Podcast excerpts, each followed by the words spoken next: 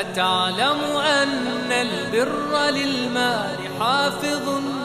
أتعلم فليس بمنقوص ولا يتبدل. وربك مبسوط اليدين يزيده قصة رجل أصيب بتعب راح لندن من جمهورية مصر. قال الطبيب الشرايين كلها مسكرة عملية لازم الآن سريعة.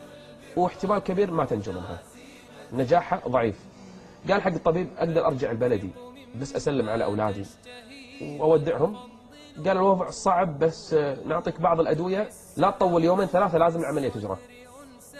قال لا بأس. على مسؤوليته طلع رجع بل- بلده يسلم على أولاده يودعهم رحلة يمكن ما بعدها رجوع. العملية صعبة جدا. وهو رايح لأحد أصحابه يسلم عليه في المكتب وهو طالع منه يتحلل من الناس.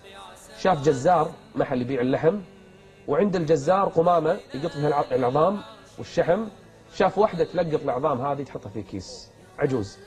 سألها أختي إيش تفعلين؟ قالت أنا عندي بنات ما يأكلون اللحم اللحم غالي. العظام هذه أطبخها في الماء على الأقل يشمون رائحة اللحم بس. سبحان الله. شوف الجوع اللي عند الناس. تضايق قال لها ادخلي معي داخل. دخلت معاه الجزار. قال هذه أسرة أبي كل أسبوع تأتيك تأخذ نصيبها من اللحم احسب سنة كاملة. كم يكلف؟ حسب اللحم سنة كاملة كم يكلف؟ قال يكلفك كذا. قال كل أسبوع تجيك تأخذ اللحم منك. قال لا بس ودفع له مقدم. الله. المرأة من شدة فرحها بكت وأخذت تدعو الله له. رجع البيت بنته الصغيرة تقول له يا أبي يعني وجهك متغير مو مثل ما طلع من عندنا. وجهك تغير شكلك تغير من فرحه من استبشاره. ودع أولاده يمكن رحلة موت. سافر لندن. فحوصات قبل يوم العملية. دخل مباشرة دخل المستشفى جاء اليوم الثاني الطبيب بيد النتائج. معصب. قال أنت أي مستشفى رحت؟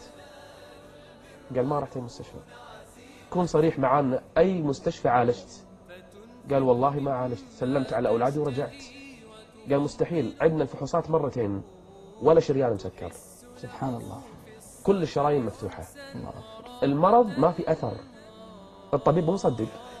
الرجل علم أنه صناعي المعروف. تقي مصاري السوء. تقي مصارع السوء. سو أي شيء في النهاية راح يرجع لك. الخير في عيالك في زوجتك في صحتك. أنت ما تدري وما تفعله من خير تجدوه. ما تنفقوا من خير فهو يخلفه جل وعلا. لكن المشكلة إحنا نبي الأثر العاجل نبي الحين نشوف بعيوننا ولا ما نتصدق؟ الله يتقبلها بيمينه. بعد في أحسن من هذا؟ الله المستعان ببرد ظلال العرش يوم يظلل. تصدق في سر فتلك يمينه.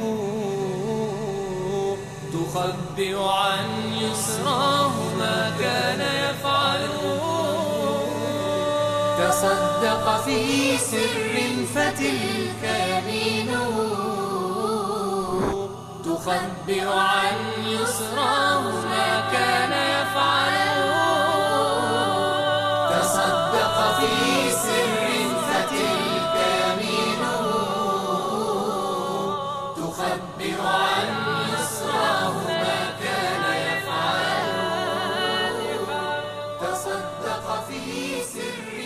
Daddy.